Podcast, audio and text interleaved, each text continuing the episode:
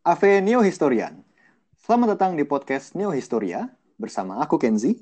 Dan aku Fatur, yang akan bahas tentang hal-hal yang berkaitan erat dengan sejarah yang pastinya worth it banget buat kalian dengerin.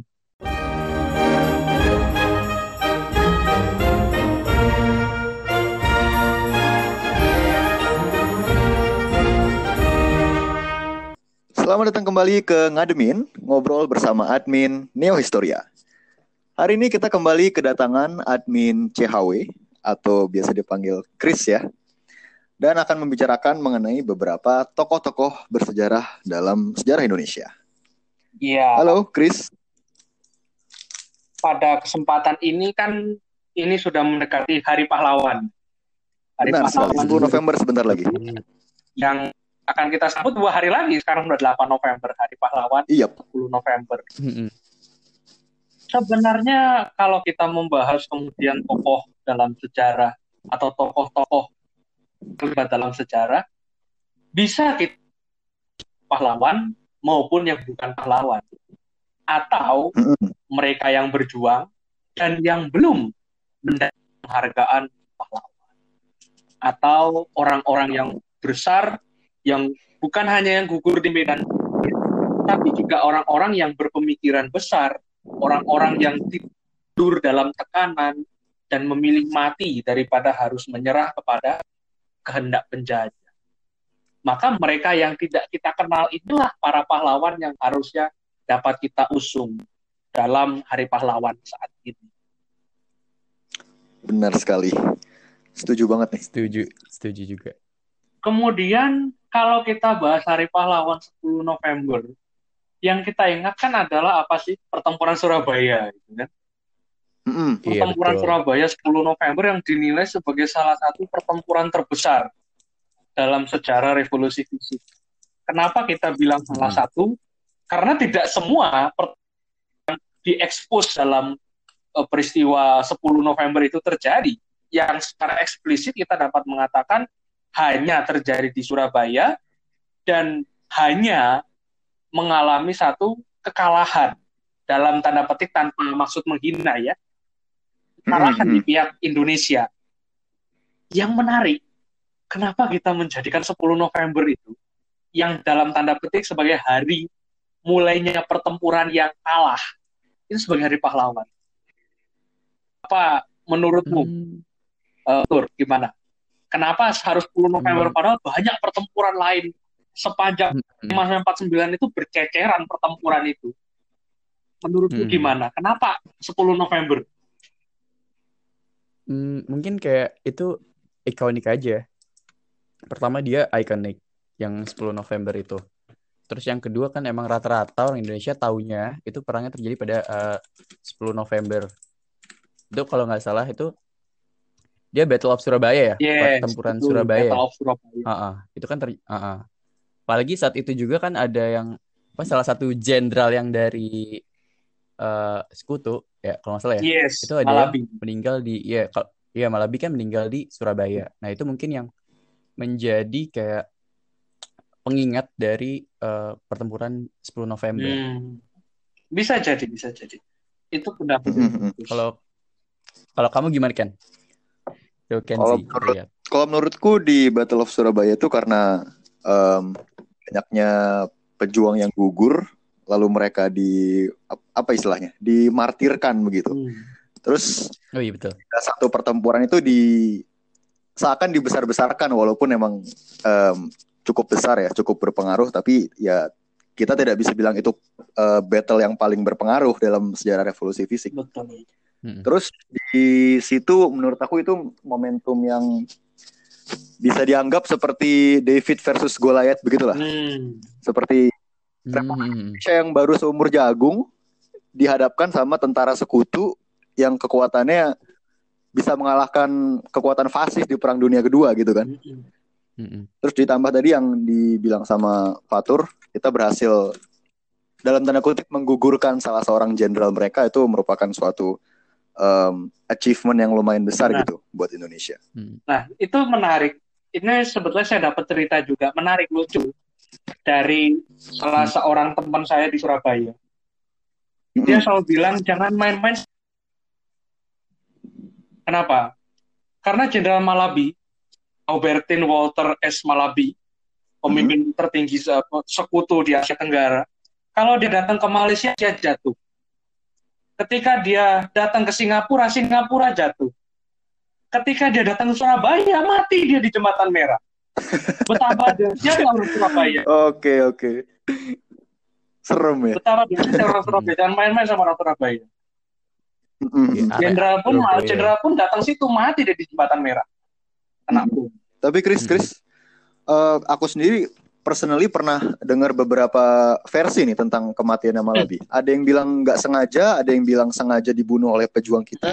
Sebenarnya versi yang bisa dianggap paling kredibel tuh yang mana ya? Beberapa waktu lalu ada liputan dari dari majalah Historia, majalah sejarah Historia. -hmm. Itu menarik sekali.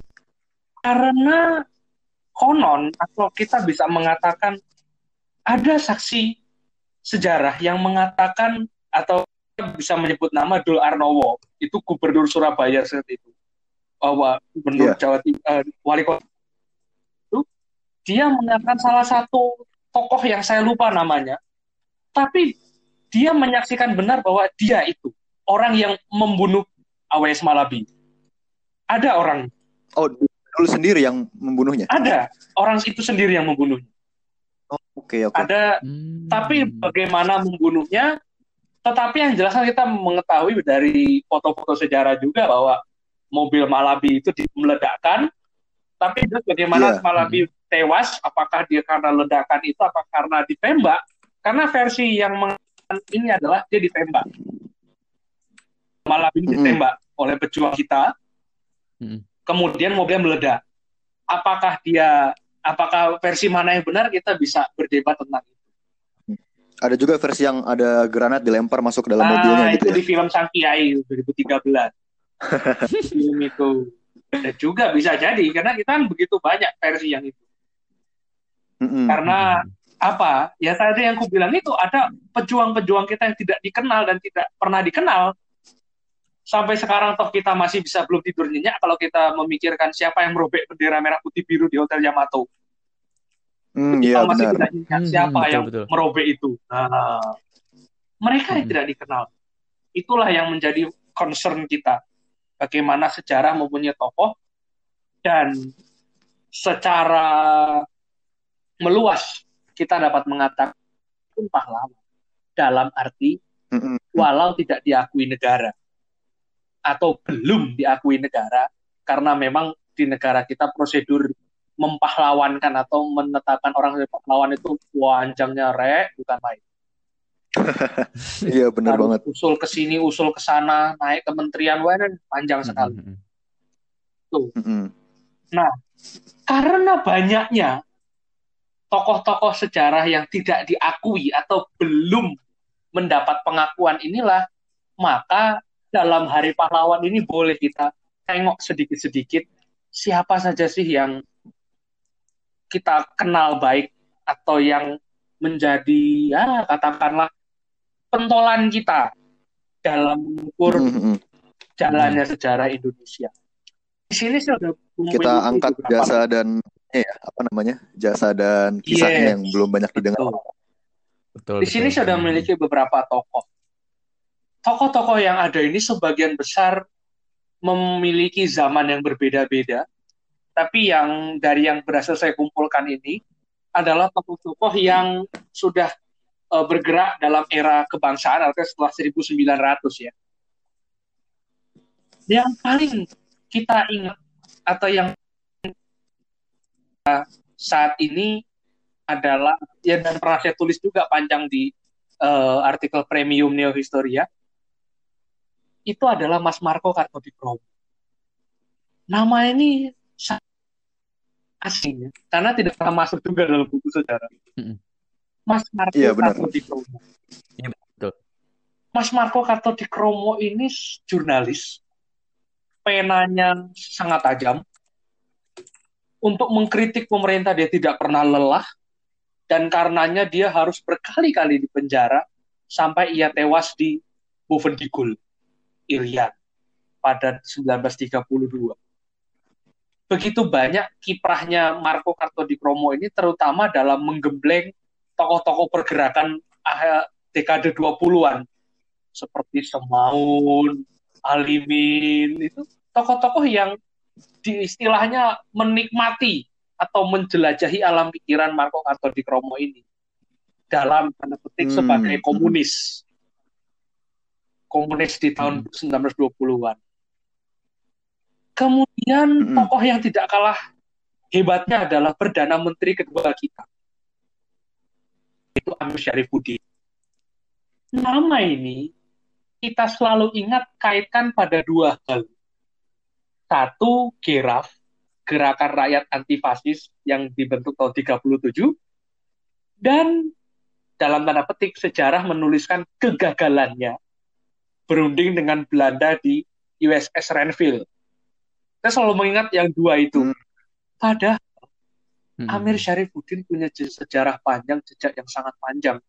Bagaimana dia merintis satu pergerakan yang boleh dikatakan memberikan semangat kepada zaman 1930-an yang tahu bahwa dalam zaman itu semua pejuang yang sudah uh, beragitasi atau tampil di panggung-panggung politik tahun 1920 seperti Soekarno, Hatta, Syahrir itu sudah dikandangkan tanda petik, sudah dibuang ke Bovendigul, ke Banda Naira dan oleh Gubernur B.J. de Jonge.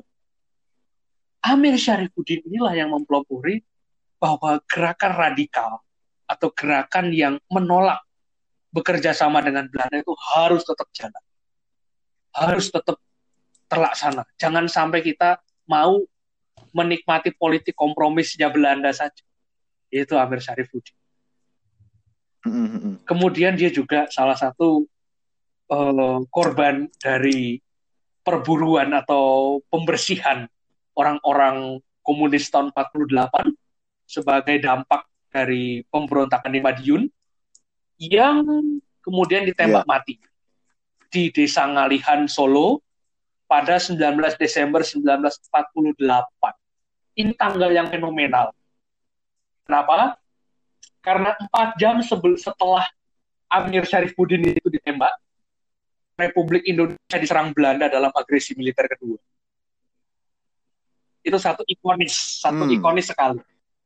Bahwa Interesting. Uh, Amir Syarifuddin ditembak hmm. mati pukul 4 pagi kemudian pukul 8 pagi itu iring-iringan tentara Belanda yang dipimpin oleh Kolonel Van Langen serbu Gedung Agung di Yogyakarta. Ini menarik. Itu jadi hmm. satu koinsidensi atau kebetulan bahwa pada hari gugurnya seorang patriot, Indonesia mengalami keruntuhan, yaitu diserang oleh agresi.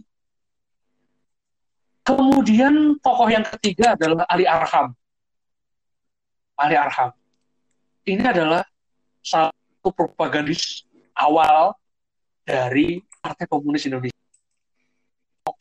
Partai Komunis Indonesia juga yang kemudian wafat di Digul pada 1926. Dia perjuangannya antara melalui propaganda di ketika itu. Nah, kenapa tiga tokoh komunis ini dapat kita juga?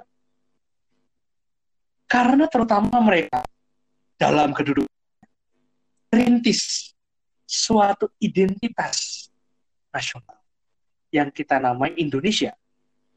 Orang boleh mengatakan bahwa Indonesia ini hmm. satu entitas yang sudah lama ada, tetapi orang-orang komunis, betapapun mereka sudah mempunyai jejak sejarah kelam di Indonesia, harus diakui mempunyai peranan yang besar dalam dekade 1920-an.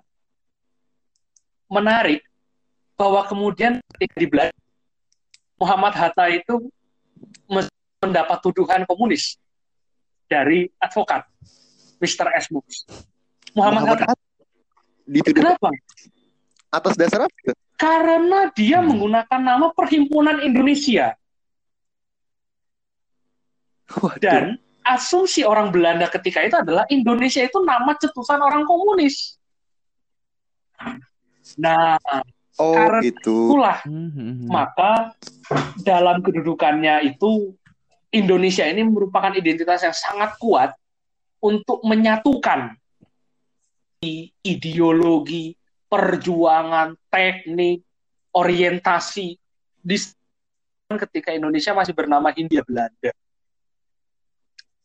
Maka itu dalam sekitar tahun 1960-an kalau nggak salah, Presiden Soekarno sendiri mengatakan jangan kita terlalu antipati terhadap orang-orang komunis. Beribu-ribu mereka dijerumuskan ke Bovendigul oleh pemerintahan Belanda karena memperjuangkan nama Indonesia. Dan memang sampai pengakuan kedaulatan tahun 49, Belanda tidak mau mengakui nama Indonesia itu. Selalu nih mm-hmm. India Belanda. Mm-hmm. Kemudian ada lagi tokoh yang mungkin sering, kalau anak Jakarta sering lewat ya, apalagi Jakarta Barat, dan Mogot. Ini bukan nama tanaman. Iya, sangat sering itu kalau, didengar. Nama kalau jalan. Kalau ya, daerah lain kayak Bintaro, Menteng itu kan nama tanaman nih. Ini nama orang. Daan Mogot. Iya. Siapa sebenarnya Daan Mogot? Daan Mogot adalah salah seorang pejuang yang boleh kita katakan memiliki jasa besar dalam pertempuran Lengkong. Lengkong itu di daerah Tangerang, eh, dekat Serpong situ, hmm. dekat Serpong tapi sudah itu di pertempuran Lengkong ketika itu tahun 46. Dan Mogot menginisiasikan satu perjuangan rakyat yang ketika itu belum e, mendapatkan atensi sama sekali karena pemerintah masih sibuk menaga diri di Yogyakarta. Jadi ketika itu istilahnya Tangerang masih berupa Wild West lah. Seperti sangat hmm. liar sekali. Nah, Daan Mogot ini menginisiasi ketika uh, tentara-tentara Belanda mulai memasuki Tangerang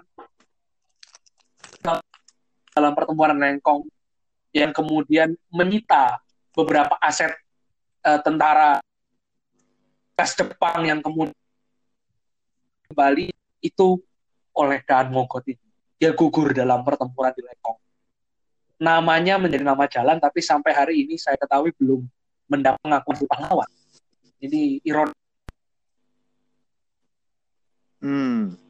Kemudian ada lagi tokoh penerbang kita yang mungkin sering kita temukan namanya. Nama dia dan nama istrinya sama-sama terkenal operator Indonesia 1960-an ya. Itu Freddy Surya Dharma, Laksamana Udara.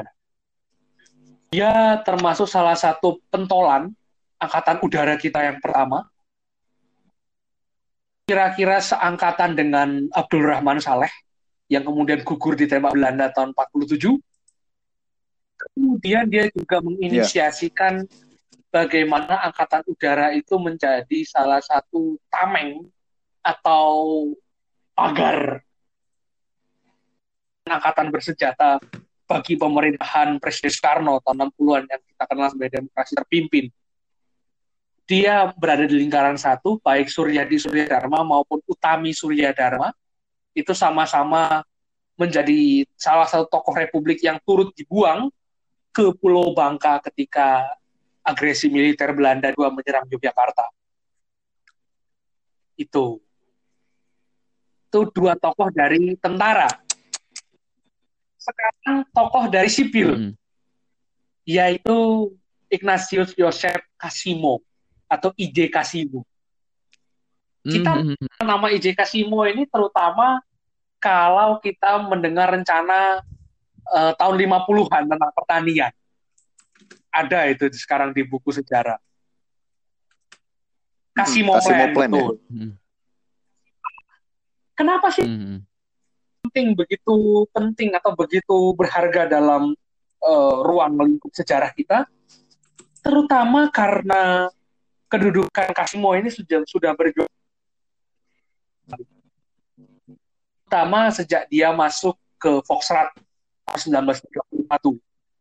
Sebelumnya IJ Kasimo ini adalah seorang ajung pertanian, adalah seorang penyuluh pertanian yang menentang sistem sewa tanah yang ketika itu membebani tani tebu kita jelaskan di sini bahwa sistem sewa tanah ini begini. Petani menyewa tanah kepada Belanda, kepada perusahaan gula. kemudian dia harus menanam di situ. Artinya dia sudah keluar uang sewa, dia keluar tenaga menanam. Dan itu dikeruk besar-besaran. Sehingga Belanda untung besar. Tidak perlu menggaji orang, tanahnya disewa, hasil gulanya dapat. Itu kritis. Walah. Hmm. Berarti kayak itu hmm. dikritik sama sekali oleh Kasimo dia kemudian menetapkan sistem tebu untuk rakyat atau yatra, yayasan tebu untuk rakyat. Tebu rakyat ini artinya petani itu men mendapatkan tanah, bukan menyewa ya, mendapatkan tanah, menanam di sana, kemudian hasilnya dikumpulkan di koperasi untuk di, untuk mendapat bagi hasil yang sesuai dengan jatahnya. Sehingga lah istilahnya. Mereka hmm. tidak dihisap terus menerus, tapi juga mendapat bagi hasil yang impas. Karena jadi berdasarkan yes, koperasi berdasarkan itu ya. Koperasi. Karena itu pada masa pemerintahan uh, Soekarno ketika awal 45 49 itu Kasimo diangkat menjadi Menteri Pertanian. Dan benar ketika Kasimo Plan direncanakan, dia memiliki fokus yang besar pada pertanian, yaitu bagaimana sih petani ini jangan sampai tidak sejahtera? Bagaimana sih petani ini harus menikmati hasil kerjanya sendiri? Dan kemudian kita tahu sendiri bahwa uh, perjuangan Kasimo ini dianggap tidak ada artinya ya, karena dia tokoh yang anti komunis, sedangkan kemudian dalam tahun 50-an akhir sampai tahun 60-an awal itu gerak petani itu semuanya dibeli tanda petik oleh Partai Komunis Indonesia yang melalui BTI, Barisan Tani Indonesia. Tetapi tetap bahwa gagasan Kasimo ini hmm. orisinal, yaitu mengembalikan hasil tani kepada kaum tani, bukan kepada perusahaan luar. Kemudian tokoh berikutnya adalah Putra Sulawesi Utara. Kalau tadi kita berbicara beberapa tokoh yang dari Jawa, sekarang Putra Sulawesi Utara. Yang besok akan mendapat anugerah pahlawan ya oleh Presiden Jokowi. Itu Arnold Mononutu. Arnold Mononutu ini kita kenal satu sebagai Menteri Penerangan, dua sebagai uh, tokoh duta besar Indonesia untuk Tiongkok pertama. Kemudian dia juga menjadi salah satu tokoh sentral dalam konferensi Asia Afrika 55 yang dia menjalin persahabatan dengan uh, Perdana Menteri Chou En-lai ketika itu. Tapi siapa sebenarnya Arnold Mononutu? Adalah salah satu tokoh emas bergerak di periferan Indonesia. Bersama-sama dengan Muhammad Hatta juga, seangkatan Hatta. Hmm.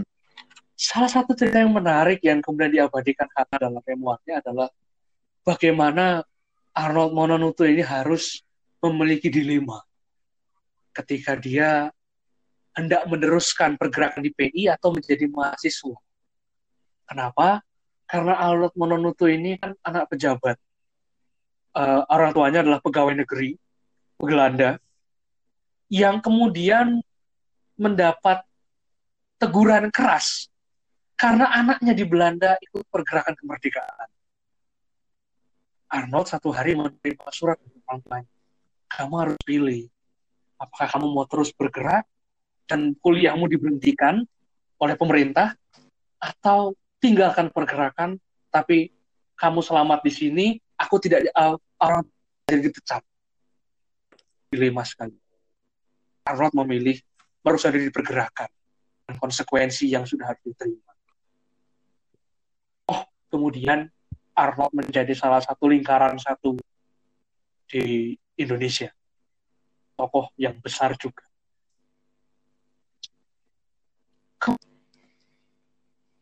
Berikutnya yang kita sering dalam zaman akhir Hindia Belanda adalah Sutarjo. Kalau kita mengenal Sutarjo Kartikusumo itu petisi Sutarjo di Foxrat. Oh iya, petisi Sutarjo. Nah, Sutarjo Kartadikusumo sama sebetulnya pegawai negeri yang ketika masuk ke Volksraad atau Dewan Rakyat Hindia Belanda itu benar-benar perjuangkan uh, otonomi bagi Hindia Belanda di dalam waktu yang dekat. Gagasan itu kemudian diterjemahkan dalam satu petisi Sutarjo. Apa sih kehendak petisi Sutarjo ini adalah Indonesia duduk bareng. Duduk bareng. Ngomong, habis ini Hindia Belanda mau dikemanakan? Habis ini Hindia Belanda mana? Lepas dari Belanda kah? Atau tetap di bawah Belanda kah? Tapi ya tepat karena saat itu Belanda dipimpin oleh uh, Perdana Menteri Cornelis de Jonge yang kita kenal sangat atau maha konservatif yang memperjuangkan Hindia tetap di bawah Belanda. Tidak ada uh, tidak ada alasan untuk otonomi. No, no, no. Otonomi tidak ada maka petisi Sutarjo ini gagal jelas. Walaupun di Dewan Rakyat Hindia Belanda di Volksraad dia menang 26 dari 20 suara. 26 suara lawan 20 suara yang menolak. Tapi ketika kemudian petisi ini diteruskan ke Belanda ya ditolak mentah-mentah karena perdana menterinya memang sangat konservatif, sangat kolot karena ketika itu sudah tua juga. Perdana Menteri Kolein ya, yeah. Perdana Menteri Henry Lane, gubernurnya sangat kolot, ya sudah tidak ada keberhasilan apa-apa yang bisa ditunjukkan oleh petisi Tarjo. Walaupun kemudian dilanjutkan oleh mm. oh, Mosi Tamrin, Mosi Wiwoho, uh, memorandum Gapi dan sebagainya. Tapi tetap bahwa salah satu langkah yang menentukan yang deterministik ya dalam uh, perjuangan yang kooperatif ya, yang sifatnya yang tidak melalui perlawanan radikal di Foxrat, yaitu adalah petisi Sutarjo. Hmm. Yang kemudian juga kita kenal sebagai salah satu perwira angkatan udara kita ialah Omar Dhani. Omar Dhani. Yang kalau kita ingat Omar Dhani selalu ingat 65 keterkaitannya begitu. Ingat Omar Dhani, ingat Pasti 65. Itu, iya. Ingat 65, hmm. ingat PKI dan Angkatan Udara. Mana 65 terjadi di Halim. Halim itu yeah. pangkalan Angkatan Udara. Nah, Omar Dhani ini mengalami satu etape dalam hidup dalam hidupnya di mana dia pernah terjerumus sangat dalam dari seorang marsekal yang sangat dihormati sangat disegani menjadi tahanan politik sekian puluh tahun di bawah rezim Orde Baru. Dan sampai kematiannya jasanya tidak diakui oleh negara. Padahal Omar Dhani merupakan salah satu tokoh pelopor atau tokoh sentral dalam gerakan Ganyang Malaysia tahun 63. Di mana orang pemuda-pemuda Indonesia beribu-ribu dikirim ke hutan Kalimantan Utara untuk menghadapi invasi Inggris di sana, menghadapi kedudukan Inggris di sana. Dengan klaim kedaulatan bahwa Sabah Sarawak adalah milik Indonesia. Umar Danilah yang menggerakkan Tokoh sentral Angkatan Udara yang loyal setengah mati kepada Bung Karno, kepada Presiden dari sekian banyak tokoh yang tadi saya bahas, menarik bahwa mereka ini tidak pernah menjadi bahasan dalam buku sejarah. Bahkan kita sangat sepi mendengar. Di masa kini pun, yang menjadi perhatian kita adalah bahwa Taman Makam Pahlawan di Kalibata atau atau di itu kenapa ya kalau di Taman Makam Pahlawan itu nisannya itu selalu dikasih topi besi itu. Artinya kan itu lama tentara. Padahal tidak hmm, semua yeah. makan besi itu tentara. Nah, mungkin itu bisa menjadi salah satu refleksi kita. Kenapa sih mereka yang bukan tentara juga dikasih topi besi misalnya padahal mereka bukan tentara. Nah, boleh jadi asumsi atau tanggapan kita selama ketika menyebut pahlawan, asumsinya melulu ada tentara. Mereka yang mengangkat bedil. Padahal mereka yang jadi pahlawan bukan saja mereka yang mengangkat bedil, tetapi juga mereka yang memiliki gagasan besar yang mempunyai pemikiran orisinil mengenai masa depan suatu bangsa yang bernama Indonesia hari ini. Barangkali itu sangat menarik menjadi tantangan kita hmm. bahwa generasi muda saat ini misalnya dengan belajar sejarah platform seperti Historia ini mengungkap sisi sejarah yang belum diketahui orang seperti tokoh-tokoh yang tadi kita sebut. Begitu.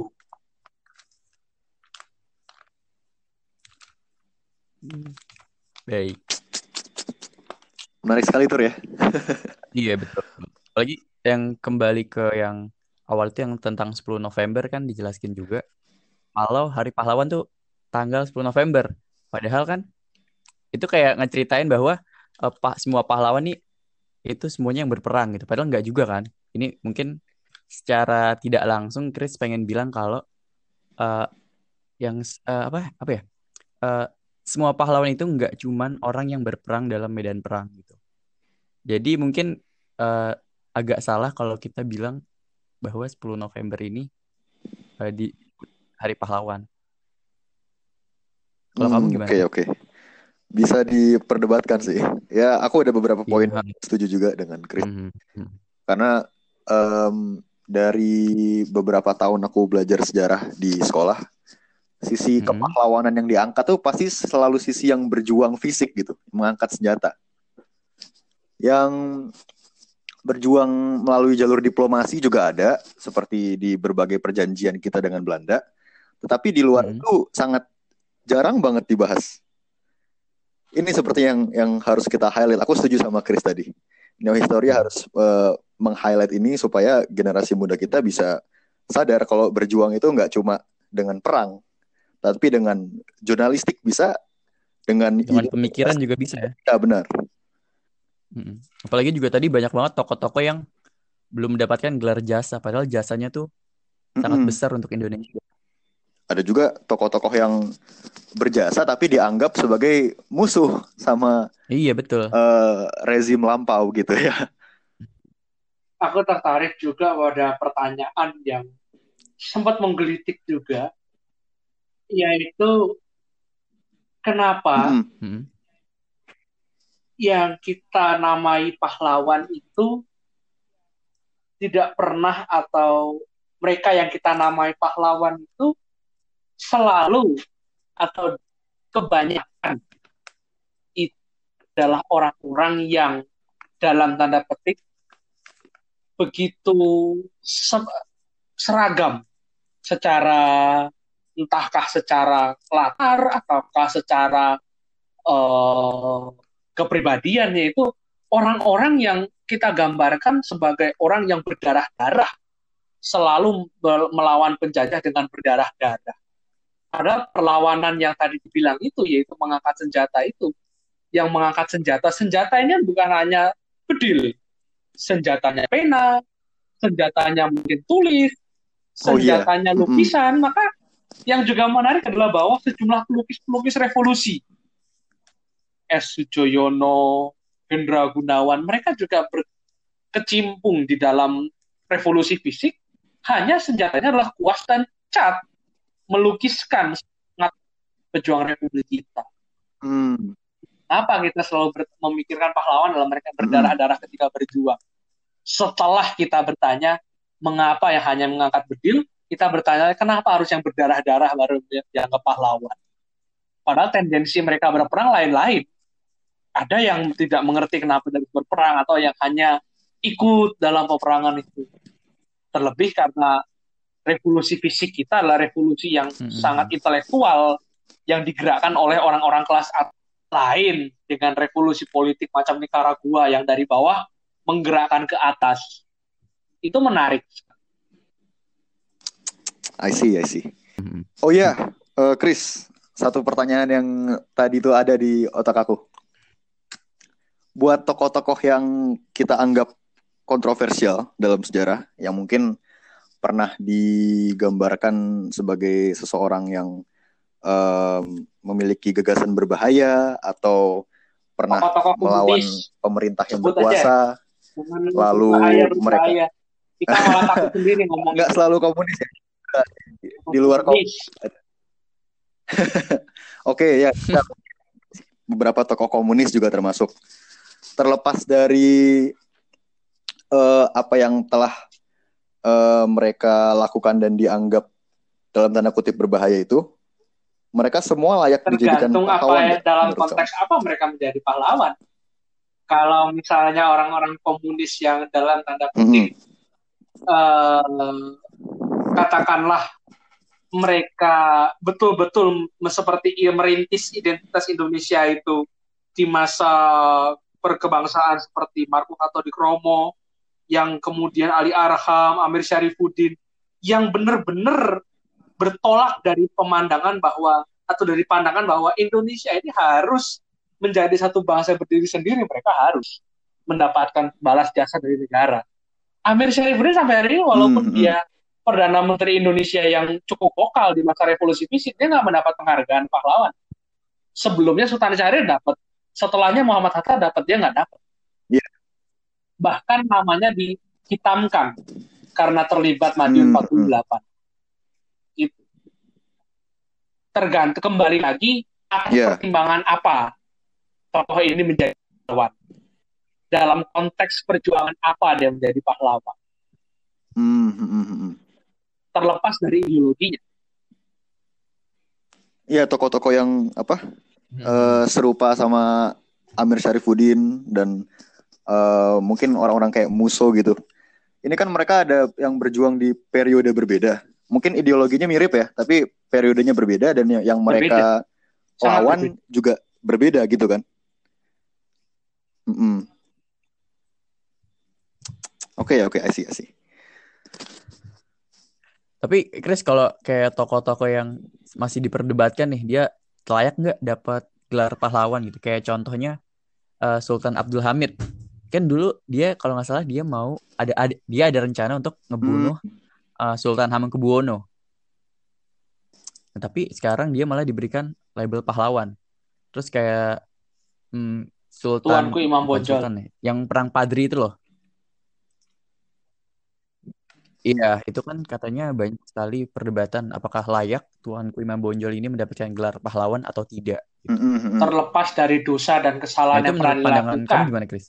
atau kesalahan atau katakanlah faktor-faktor yang membuat dia dianggap pengkhianat, ada jasa-jasa yang harus dinilai juga. Dan kita tidak bisa menentukannya hari ini, apakah dia sudah bisa dipahlawankan atau belum kita kan bisa melihat sendiri jasanya itu seperti apa, kesalahannya seperti apa. Ada yang salah tapi dibenarkan dan ada yang benar tapi disalahkan. Itu lumrah. Sejarah memang tidak pernah selalu benar dan selalu salah. Hmm. Kalau kita menilai Hamid dua pengkhianat, bagaimana jasa-jasanya ketika dia merancang Garuda Pancasila, bagaimana dia menyatukan daerah Kalimantan yang ketika masih kesultanan, kemudian pun kalau kita pandang Tuanku Imam Bonjol katakanlah, yang kemudian dia telah bersalah, ah, bagaimana pandangan kita melihat bagaimana dia mempersatukan rakyat Minangkabau melawan Belanda? Terlepas dari kesalahan yang pernah dilakukan, ada jasa-jasanya. Jangan hanya kita karena satu dosa, ke, satu kesalahan apa karena nilai setitik rusak susu sebelah nggak jangan. Susah kalau kita beranggapan pahlawan demikian nggak ada yang pantas hmm, kalau gitu hmm. karena semua pahlawan hmm, pun pernah salah pernah punya dosa pernah punya Betul. jejak hitam benar benar manusia juga para pahlawan juga berarti pun setelah manusia dipahlawankan juga ya, setelah seorang tokoh dipahlawankan bukan berarti semua juga. kesalahan atau semua jejak hitamnya luruh kan kita juga harus memandang dua sisi cover both side hmm. hmm Sekian ngademin episode 2 kali ini. Terima kasih uh, buat admin Chris yang sudah hadir bersama kita untuk memberikan berbagai macam insight dan um, apa itu gambaran mengenai tokoh sejarah yang belum sering kita dengar um, mm -hmm. di sejarah gitu tur ya. Hmm, betul banget. Ya, Oke, okay, aku Fatur dan aku Kenzi. Dan sampai jumpa di podcast selanjutnya. Avenio Historian. Ya. Yeah.